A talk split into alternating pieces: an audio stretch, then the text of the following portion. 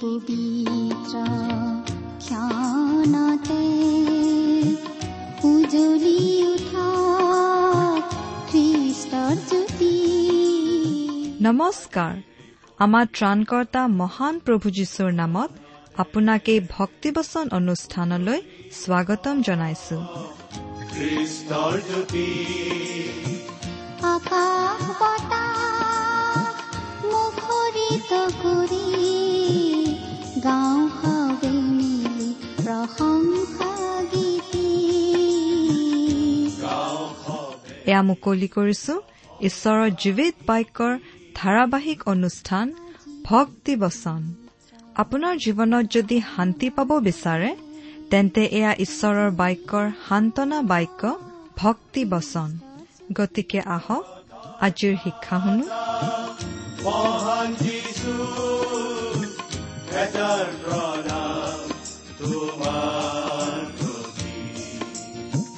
গ্ৰহণ কৰাই ভক্তি বচন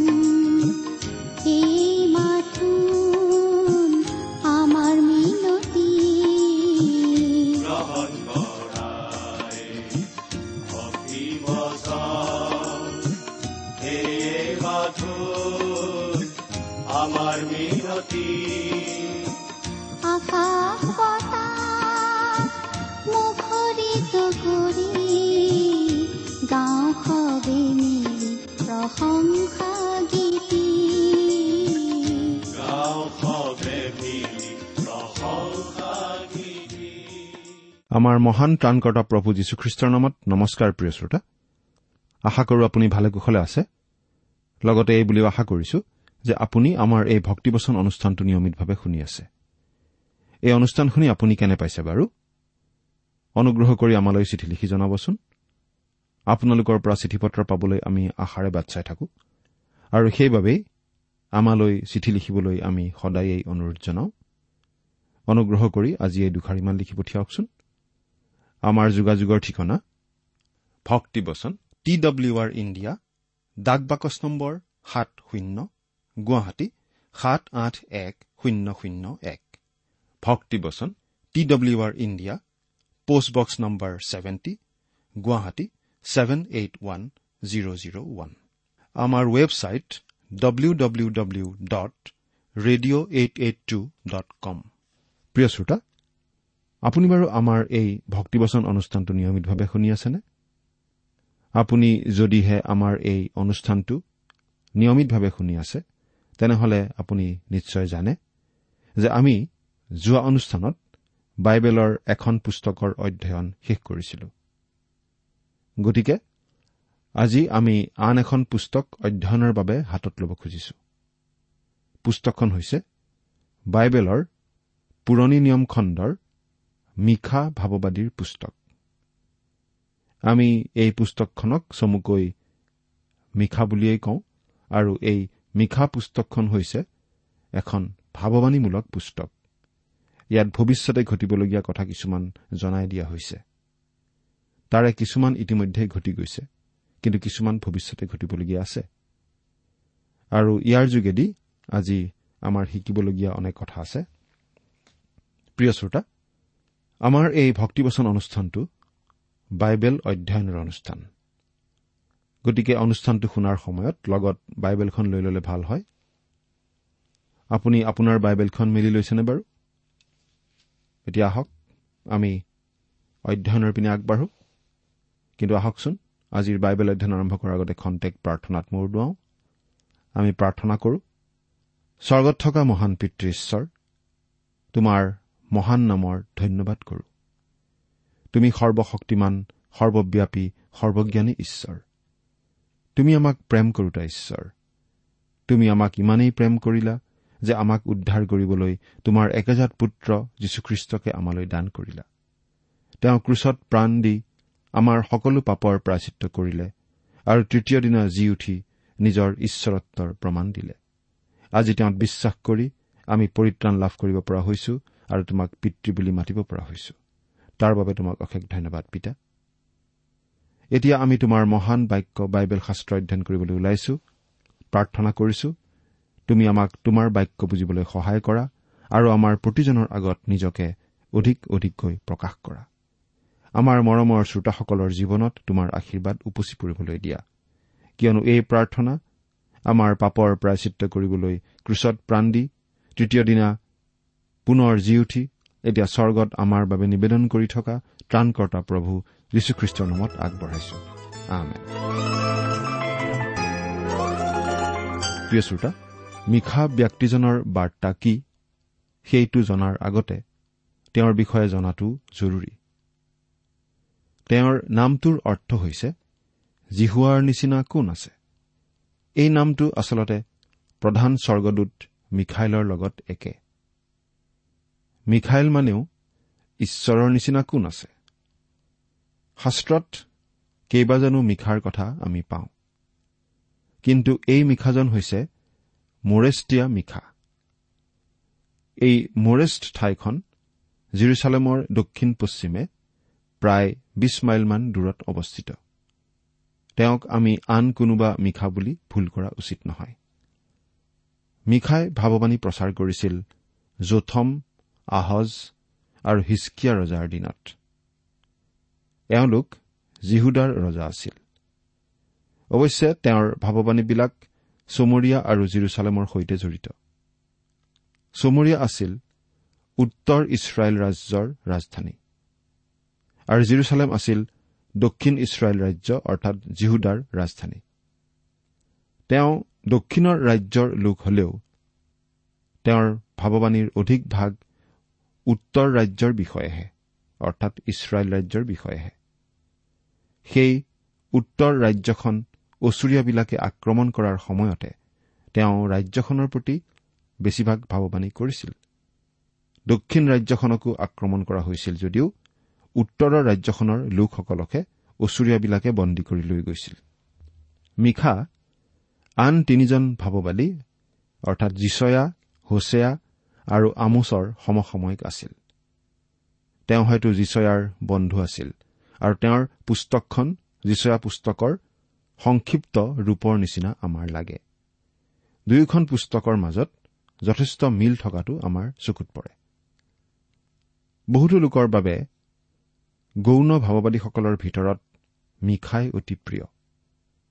ৰচনাশৈলীৰ দিশৰ পৰা এইখন অতি চকুত লগা পুস্তক। যদিহে আপুনি সুন্দৰ ভাষা কবিতা সাহিত্য আদি আদৰ কৰে তেন্তে মিশা পুস্তকখনো আদৰ আপুনি নিশ্চয় কৰিব। লিখনিবোৰ চোকা আৰু ব্যক্তিগত ধৰণৰ। মিশা আছিল অন্তৰ পৰশা কথা কোৱা লোক। তেওঁ বাস্তৱৰ সৈতে সম্বন্ধ থকা সুন্দৰভাৱে তথ্য দাঙি ধৰা লোক আছিল। তেওঁ এজন সুদক্ষ যুদ্ধ সাংবাদিক হ'ব পাৰিলেহেঁতেন।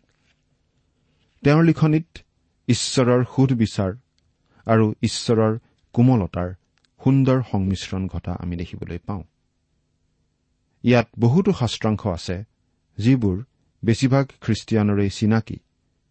অৱশ্যে বহুতে এই শাস্ত্ৰাংশখিনি মিশা পুস্তকত আছে বুলি ভালদৰে হয়তো নাজানিবও পাৰে। আহিব ধৰা ঈশ্বৰৰ সুধবিচাৰৰ অন্ধকাৰৰ মাজেদি মিশাই স্পষ্টভাৱে দেখিবলৈ পাইছিল ভৱিষ্যতে আহিব ধৰা ইছৰাইলৰ মুক্তিৰ গৌৰৱময় পোহৰ। সেইটোৱেই এই পুস্তকখন বিশেষভাৱে মন কৰিবলগীয়া পুস্তক কৰি তুলিছে।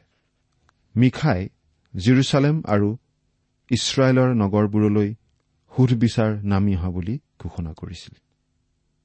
এই ঠাইবোৰেই দেশখনৰ জনগণক বিশেষভাৱে প্ৰভাৱিত কৰিছিল। আৰু এই সমস্যাবোৰ আছিল নগৰীয়া সমস্যা। আৰু আজিকালিৰ দিনৰ সমস্যাৰ লগত বহুখিনি মিলি যায়। মিখাই গৰিহণা দিছিল হিংস্ৰতা দুৰ্নীতি ডকাইতি লোভ জাগতিকতা আম্মিক দৈন্যতা আৰু অবৈধ যৌনতাক। তেওঁক মহানগৰৰ ভাৱবাদী বুলিহে আচলতে ক'ব পৰা যায়। মিশা পুস্তকৰ মূল বিষয়টো বুজি পোৱাটো খুবেই প্ৰয়োজনীয়। সাধাৰণতে মিশাক সুধবিচাৰৰ ভাৱবাদী বুলি কোৱা হয়। সেইটো সঁচা যেন লাগে কাৰণ প্ৰথম তিনিটা অধ্যায়ত সুধবিচাৰৰ ওপৰত যথেষ্ট গুৰুত্ব দি কথা কোৱা হৈছে। অৱশ্যে প্ৰথম তিনিটা অধ্যায়ত সমালোচনামূলক কথা কোৱা হৈছে যদিও পাছৰ অধ্যায় চাৰিটা সান্তনামূলক কথাৰে পূৰ্ণ। তেওঁৰ এই মহান প্ৰশ্নটো পোৱা যায়। শাস্ত্ৰৰ এটা অন্যতম মনোৰম অংশত। তোমাৰ দৰে কোন হ'ব পাৰে? অৰ্থাৎ ঈশ্বৰৰ নিচিনা কোন হ'ব পাৰে? আমি দেখিবলৈ পাম যে মিখা যিমানেই আগবাঢ়ি গৈছে সিমানেই এই মূল সুৰটোৱেই তেওঁৰ কথাত বাৰে বাৰে বাজি উঠিছে। প্ৰথম তিনিটা অধ্যায়ত ঈশ্বৰৰ নিচিনা কোন হ'ব পাৰে ঘোষণা কৰাত অৰ্থাৎ সাক্ষ্য দিয়াত। চাৰি আৰু পাঁচ নম্বৰ অধ্যায়ত ঈশ্বৰৰ নিচিনা কোন হ'ব পাৰে ভাৱবাণী ঘোষণা কৰাত আৰু সান্তনা দিয়াত ছয় নম্বৰ অধ্যায়ত ঈশ্বৰৰ নিচিনা কোন হ'ব পাৰে? অনুৰোধ কৰাত আবেদন জনোৱাত। আৰু শেষত সাত নম্বৰ অধ্যায়ত ঈশ্বৰৰ নিচিনা কোন হ'ব পাৰে? ক্ষমা কৰাত। সেইবাবেই মিশা পুস্তকখন ক্ষুদ্ৰ কিন্তু অতি মনোমোহা পুস্তক। এই পুস্তকখনৰ মূল বিষয় হৈছে ঈশ্বৰৰ সুধবিচাৰ আৰু ঈশ্বৰে আগবঢ়োৱা মুক্তি। দুয়োটা কথা ইয়াত আছে। আমাৰ মতে মূল পদটো হৈছে ওঠৰ নম্বৰ পদ সাত নম্বৰ অধ্যায়ৰ পাঠ কৰি দিম। সাত নম্বৰ অধ্যায়ৰ ওঠৰ নম্বৰ পদ অপৰাধ ক্ষমা কৰোতা আৰু নিজ আধিপত্যৰ অৱশিষ্ট ভাগৰ দায় এৰি দিওঁতা তোমাৰ নিচিনা ঈশ্বৰ কোন আছে? তেওঁ দয়া ভাল পোৱাৰ কাৰণে চিৰকাললৈকে নিজৰ ক্ৰোধ নাৰাখে। ঈশ্বৰে পাপক ঘীন কৰে কিন্তু তেওঁ পাপীৰ আত্মাক প্ৰেম কৰে আৰু তেওঁ পাপীসকলক উদ্ধাৰ কৰিব বিচাৰে। সুধ বিচাৰ কৰা কাৰ্যটো বা দণ্ড দিয়া কাৰ্যটো ঈশ্বৰৰ বাবে আচহুৱা কাম বুলি কোৱা হয়। এই কামটো আচহুৱা কাৰণ তেওঁ মানুহক সুধবিচাৰ কৰি দণ্ড দিবলৈ ভাল নাপায়। কিন্তু যিহেতু তেওঁ পবিত্ৰ ঈশ্বৰ আৰু যিহেতু তেওঁ পাপক ঘীন কৰে গতিকে যিকোনো অবাধ্যতা বা বিদ্ৰোহৰ বিষয়টো তেওঁ নিষ্পত্তি কৰিবই লাগিব। তেওঁ আনভাৱে কথাটো ল'ব নোৱাৰে কিন্তু তথাপি তেওঁ পাপীৰ আত্মাক প্ৰেম কৰে। তেওঁ তেওঁলোকক উদ্ধাৰ কৰিব বিচাৰে আৰু তেওঁ তেওঁলোকক উদ্ধাৰ কৰিব যদিহে তেওঁলোক বিশ্বাসীৰে তেওঁলৈ আহে। এই সৰু পুস্তকখন এটা আকৰ্ষণীয় ধৰণেৰে বিভক্ত কৰিব পাৰি। ভাৱবাণীখিনি সাধাৰণভাৱে বিভক্ত কৰি এই কথাটো মন কৰিব পাৰি যে মিখাই আচলতে তিনিটা বাৰ্তা দিছিল আৰু প্ৰতিটো বাৰ্তা আৰম্ভ হৈছে শুনা বুলি। মিখা এক নম্বৰ অধ্যায়ৰ দুই নম্বৰ পদ তিনি নম্বৰ অধ্যায়ৰ এক নম্বৰ পদ আৰু ছয় নম্বৰ অধ্যায়ৰ এক নম্বৰ পদত আমি এই কথা পাওঁ। প্ৰথম বাৰ্তাটো সকলো লোকলৈ বুলি সম্বোধন কৰা হৈছে আৰু দ্বিতীয় বাৰ্তাটো বিশেষকৈ ইছৰাইলৰ নেতাসকলৰ প্ৰতি। আৰু তৃতীয় বাৰ্তাটো মন পালটন কৰি ঈশ্বৰলৈ ঘূৰিবলৈ ইছৰাইল জাতিক জনোৱা এটা ব্যক্তিগত আবেদনৰ নিচিনা। কিছুমান সমালোচকে এই পুস্তকখনৰ ক্ষেত্ৰত আগবঢ়োৱা সমালোচনাৰ বিষয়টো আমি অলপ চাব খুজিছো। সেই সমালোচকসকলে যিচয়া ভাৱবাদীৰ ভাৱবাণীৰ বিষয়ে যিধৰণৰ সমালোচনা কৰিছিল একেধৰণৰ সমালোচনা এই পুস্তকখনৰ বিষয়েও কৰিছিল। কিন্তু সেই সকলোবোৰ সমালোচনাৰ যথোপযুক্ত উত্তৰ পণ্ডিতসকলে দিছে। গতিকে আমি আৰু তাত সময় খৰচ কৰিব খোজা নাই। আমি এই কথাটো বিশেষভাৱে মন কৰিব পাৰো যে জিৰিমিয়া ভাৱবাদীয়ে মিশা ভাৱবাদীৰ উদ্ধৃতি দিছিল। জিৰিমিয়া ছাব্বিছ নম্বৰ অধ্যায়ৰ ওঠৰ নম্বৰ পদটো পঢ়োচোন। ইয়াত আমি এনেদৰে পাওঁ জিহুদাৰ হিচকিয়া ৰজাৰ ৰাজত্বৰ কালত মৰেষ্টিয়া মিখায়াই ভাৱবাণী প্ৰচাৰ কৰিছিল। তেওঁ জিহুদাৰ আটাই লোকক কৈছিল বাহিনীবিলাকৰ জিহুৱাই এইদৰে কৈছে চিউনক পথাৰৰ নিচিনাকৈ চহোৱা হ'ব জিৰচালেম ভগ্নৰাশী হ'ব আৰু গৃহতী থকা পৰ্বতটো কাঠনিৰ ওখ ঠাইবোৰৰ নিচিনা হ'ব। গতিকে সেই সময়ত মিশা ভাৱবাদীৰ পুস্তকৰ কিমান গুৰুত্ব আছিল সেই কথাটো আমি সহজে বুজি পাওঁ। অৱশ্যে মানুহবিলাকে মিশা ভাৱবাদীক যিদৰে গুৰুত্ব দিয়া নাছিল তেনেদৰে জিৰিমিয়া ভাৱবাদীৰ কথাকো তেওঁলোকে গুৰুত্ব দিয়া নাছিল আৰু মিশা ভাৱবাদীয়ে যেনেদৰে কৈ থৈছিল জিৰচালেমলৈ ঠিক তেনেদৰেই সেই দুৰ্গতি আহিছিল জিৰচালেমৰ ঠিক তেনেকুৱা অৱস্থাই ঘটিছিল। শাস্ত্ৰৰ ব্যাখ্যা আগবঢ়াব খোজা বহুতো ডেকা শিক্ষক প্ৰচাৰকে আমাক সোধে। কেনেকৈনো কামটো আৰম্ভ কৰিব লাগে? কিন্তু কেৱল ডেকা শিক্ষক প্ৰচাৰক বুলিয়েই নহয় বাইবেল অধ্যয়ন কৰিব খোজা সকলোকে আমি এই বুলিয়েই ক'ব খোজো যে প্ৰথমতে আমি গোটেই পুস্তকখনৰ মূল বক্তব্যখিনি বুজি ল'ব লাগিব। তাৰ মানেনো কি? পুস্তকখননো কি? লিখকেনো আচলতে কি ক'ব বিচাৰিছে? মূল বাৰ্তাটোনো কি? আৰু এই কথাবোৰ জানিবলৈ হলে আমি পুস্তকখনৰ এটা ৰূপৰেখা লৈ ল'ব লাগিব। মিশা পুস্তকত আমি পাওঁ যে বাৰ্তাটো হৈছে ঘোষণা কৰাত ভাৱবাণী জনোৱাত অনুযোগ কৰাত আৰু ক্ষমা কৰাত ঈশ্বৰৰ নিচিনা কোন হ'ব পাৰে। আৰু তেনেদৰেই মিখাৰ পুস্তকখন ভাগ কৰা হৈছে। দুই নম্বৰ অধ্যায়ৰ পৰা তিনি নম্বৰ অধ্যায়ত আমি পাওঁ ভৱিষ্যতৰ কথা ঘোষণা। অতীতৰ পাপৰ কাৰণে নামি আহিব ধৰা দণ্ড চাৰি নম্বৰ অধ্যায়ৰ পৰা পাঁচ নম্বৰ অধ্যায়ত আমি পাওঁ অতীতত কৰা প্ৰতিজ্ঞাৰ বাবে ভৱিষ্যতে আহিবলগীয়া গৌৰৱ মহিমাৰ ভৱিষ্যৎবাণী ছয় নম্বৰ অধ্যায়ত আমি পাওঁ অতীতৰ উদ্ধাৰৰ বাবে বৰ্তমানে মন পালটন কৰিবলৈ জনোৱা আবেদন।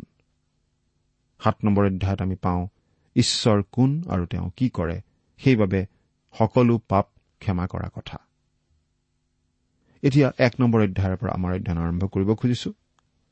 ইয়াত আমি পাওঁ মিশা ভাৱবাদীৰ প্ৰথমটো বাৰ্তা চমৰীয়াৰ বিৰুদ্ধে কিন্তু জিৰচালেমকো স্পৰ্শ কৰা বাৰ্তা। আমি আগতেই কৈ আহিছো যে প্ৰথম অধ্যায় তিনিটা অনুযোগমূলক দোষাৰোপ কৰা ধৰণৰ। এই গুৰুত্বপূৰ্ণ পুস্তকখনৰ প্ৰতিটো অধ্যায়তে একোটা অতি গুৰুত্বপূৰ্ণ উক্তি আমি পাম। কেতিয়াবা হয়তো মাত্ৰ এটা পদ হ'ব পাৰে কেতিয়াবা হয়তো এই প্ৰথম অধ্যায়ত পোৱাৰ দৰে কেইবাটাও পদ হ'ব পাৰে। যি কি নহওক এতিয়া বাইবেলৰ পৰা পঢ়ি দিম এক নম্বৰ পদ এক নম্বৰ অধ্যায়ৰ। জিহুদাৰ ৰজা জুথম আহজ আৰু হিচকিয়াৰ ৰাজত্বৰ কালত চমৰীয়া আৰু জিৰচালেমৰ বিষয়ে দৰ্শনত পোৱা মৰেষ্টিয়া মিখালৈ অহা জিহুৱাৰ বাক্য। আমি এই কথাটো আকৌ সোঁৱৰাই দিব খুজিছো। যে চমৰীয়া আছিল উত্তৰ ইছৰাইল ৰাজ্যখনৰ ৰাজধানী। এই নগৰখন আচলতে ইছৰাইলৰ ৰজা অমৰিয়ে নিৰ্মাণ কৰিছিল আৰু এই নগৰখন আছিল প্ৰতিমা পূজাৰ কেন্দ্ৰস্থল। এই নগৰখন এইটো কাৰ্যৰ দ্বাৰাই বিখ্যাত আৰু কুখ্যাত। আৰু কুখ্যাত কৰিছিল আচলতে আহব আৰু ইজেবলে তেওঁবিলাকে তাত বাল দেৱতাৰ মন্দিৰ এটা সাজিছিল। সেই নগৰখন অতি সুন্দৰ ঠাইত অৱস্থিত আছিল কিন্তু আজি সেই নগৰখনৰ ভগ্ন অৱশেষে তাত আছে। সেই ভগ্ন অৱশেষবোৰে চমৰীয়াৰ বিষয়ে মিশা ভাৱবাদীয়ে যি ভৱিষ্যৎবাণী কৰিছিল। সেই ভৱিষ্যৎবাণী যে কিমান সঠিক আছিল সেই কথাৰেই সাক্ষ্য দাঙি ধৰে। মৰেষ্টিয়া মিশা অৰ্থাৎ মিশা আছিল গাথৰ মৰাছ নামৰ ঠাইৰ লোক জিৰচালেমৰ দক্ষিণ পশ্চিমে অৱস্থিত। যদিও তেওঁ জিহুদা ৰাজ্যৰ লোক আছিল তেওঁ দুয়োখন ৰাজ্য অৰ্থাৎ ইছৰাইল আৰু জিহুদা দুয়োখন ৰাজ্যৰ বাবে ভাৱবাণী ঘোষণা কৰিছিল। কিন্তু তেওঁৰ মূল বাৰ্তাটো আচলতে আছিল উত্তৰ ৰাজ্য অৰ্থাৎ ইছৰাইল ৰাজ্যৰ প্ৰতি। সেইটো মন কৰিবলগীয়া কথা। মিশা ভাৱবাদীৰ সমসাময়িক যিচয়া ভাৱবাদী দক্ষিণৰ দেশ অৰ্থাৎ জিহুদা দেশৰ প্ৰতি ভাৱবাদী আছিল। আৰু খুব সম্ভৱ মিশা বয়সত সৰু আছিল বাবে তেওঁ ভাবিছিল যে যিচয়াই দক্ষিণৰ ৰাজ্যখনৰ কথা চম্ভালিব পাৰিব আৰু ঈশ্বৰে তেওঁক উত্তৰৰ ৰাজ্যখনৰ উদ্দেশ্যেই কথা কবলৈ নিৰ্দেশ দিছিল।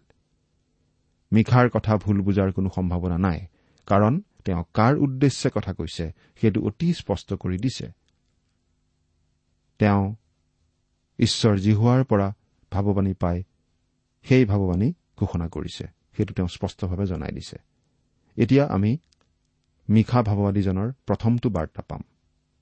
দুই নম্বৰ পদ হে জাতিবিলাক তোমালোক সকলোৱে শুনা। হে পৃথিৱী আৰু তাত থকা সকলো কাণ পাতা। প্ৰভু জিহুৱা তোমালোকৰ বিৰুদ্ধে সাক্ষী হওক। প্ৰভুৱে নিজ পবিত্ৰ মন্দিৰৰ পৰা সাক্ষী হওক। তোমালোক সকলোৱে শুনা। মানুহে সকলো মানুহে। সেই সকলোৰ মাজত আপুনিও অন্তৰ্ভুক্ত ময়ো অন্তৰ্ভুক্ত। লাগিলে আপুনি য'তেই নাথাকক। আমাৰ সকলোলৈকে মিখাৰ এটা বাৰ্তা আছে। আন ভাৱবাদীবোৰৰ নিচিনাকৈ মিখাৰ ভাৱবাণী যদিও এতিয়া বিলুপ্ত হৈ যোৱা দেশ এখনৰ প্ৰতিহে দিয়া হৈছিল। তথাপি সেই বাৰ্তা আজি আমাৰ বাবেও অৰ্থপূৰ্ণ কাৰণ ইয়াৰ মাজেদি কিছুমান নীতি নিৰ্ধাৰণ কৰি দিয়া হৈছে। মিখাই মানৱীয় শাসন ব্যৱস্থাৰ এটা দৰ্শন দাঙি ধৰিছে। শাসন ব্যৱস্থাত আচলতে কোনটো ভুৱা আৰু কোনটো প্ৰকৃত কৰ্তৃত্ব বা কোন প্ৰকৃততে শাসনৰ মূল সেই বিষয়টো তেওঁ আগবঢ়াইছে। এই জগতৰ শাসনতন্ত্ৰৰ সৈতে জড়িত সকলো লোকেই আচলতে এই পুস্তকৰ এই কথাখিনি পঢ়াটো উচিত। শাসন কাৰ্যৰ ক্ষেত্ৰত ঈশ্বৰৰ দৃষ্টিকোণটো কেনে সেইটো চালে তেওঁলোকৰ একো ক্ষতি নহয় কাৰণ আচলতে মানুহৰ শাসন পদ্ধতি আজি সকলো ঠাইতে বিফল হৈ আছে।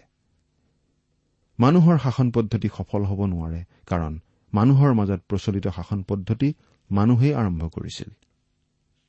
আনকি বহু সময়ত মানুহে বাইবেলৰ নীতিৰ আধাৰতেই বিভিন্ন নিয়ম আইন কানুন আদিও স্থাপন কৰা আমি দেখিবলৈ পাইছো।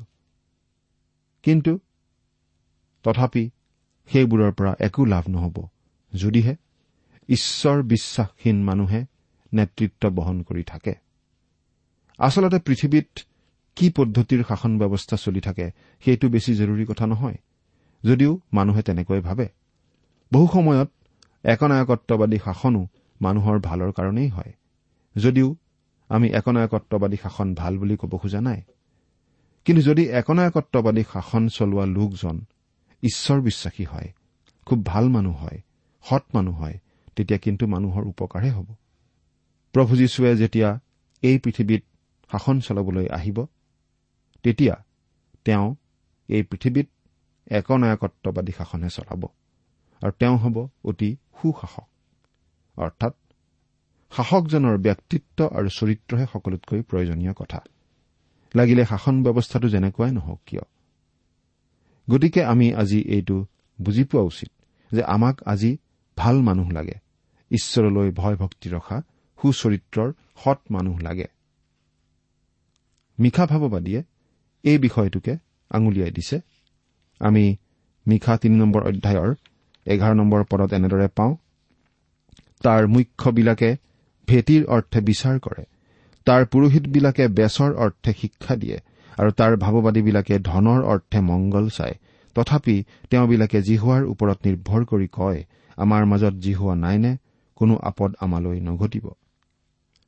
মিখাই এই কথাটো দেখুৱাই দিছে যে তেওঁলোকৰ যি ভাৱবাদী আছিল সেইবোৰ ভুৱা ভাৱবাদী তেওঁলোকৰ ধৰ্ম ব্যৱস্থা আছিল ভুৱা নেতাবোৰো আছিল ভুৱা।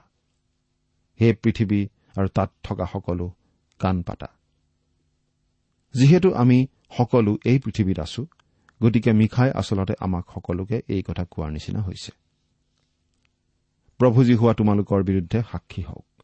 অৰ্থাৎ মিশা ভাৱবাদীয়ে যিখিনি কথা কবলৈ ওলাইছে সেই কথাৰ সমৰ্থনত স্বয়ং ঈশ্বৰকেই সাক্ষী পাতিছে। প্ৰভুৱে নিজ পবিত্ৰ মন্দিৰৰ পৰা। ঈশ্বৰ আছিল তেওঁৰ পবিত্ৰ মন্দিৰত তেওঁৰ স্বৰ্গত আৰু এতিয়াও তেওঁ তেনেই আছে। আৰু সেই ঈশ্বৰেই আমাৰ বিচাৰকৰ্তা তেওঁহে সুদবিচাৰ কৰি দণ্ডবিহুতা। সেই সৰ্বশক্তিমান পবিত্ৰ ঈশ্বৰক বাৰু আপুনি চিনি পায়নে? সেই ঈশ্বৰৰ পৰা অহা বাৰ্তা আপুনি বাৰু গুৰুত্ব সহকাৰে গ্ৰহণ কৰিছেনে?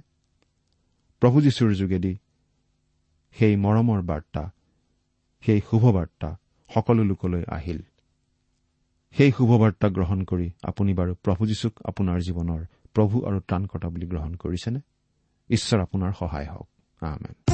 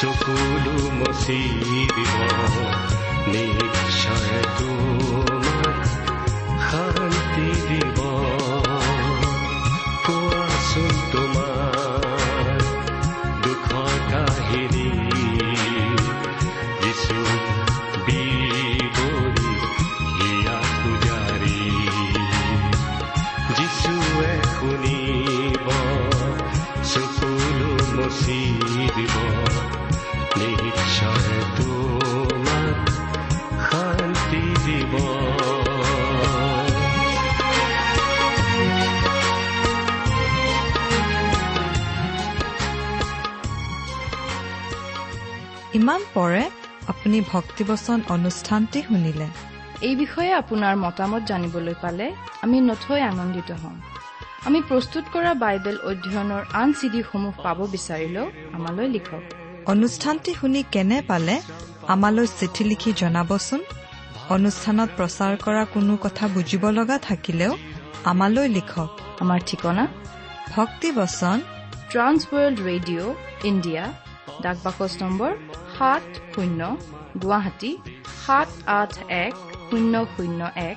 ঠিকনাটো আৰু এবাৰ কৈছো। ভক্তিবচন ট্ৰান্স ৱৰ্ল্ড ৰেডিঅ' ইণ্ডিয়া ডাক বাকচ নম্বৰ সাত শূন্য গুৱাহাটী সাত আঠ এক শূন্য শূন্য এক। আমাৰ ইমেইল এড্ৰেছটো হৈছে Assamese T T B at the rate radio' eight eight two dot com. আমাৰ website W W W dot T W R dot in. আপুনি টেলিফোনৰ মাধ্যমেৰেও আমাক যোগাযোগ কৰিব পাৰে। আমাৰ টেলিফোন নম্বৰটো হৈছে শূন্য তিনি ছয় এক দুই ছয় শূন্য চাৰি ছয় সাত এক। ফোন নম্বৰটো আকৌ এবাৰ কৈছো zero' three six one two six zero' four six seven one. আজিৰ অনুষ্ঠানটি ইমানতেই সামৰিছো। ঈশ্বৰৰ শান্তি আৰু অনুগ্ৰহ আপোনাৰ লগত থাকক। ধন্যবাদ। ক্ষমা কৰিব। কোৱাচোন তোমাৰ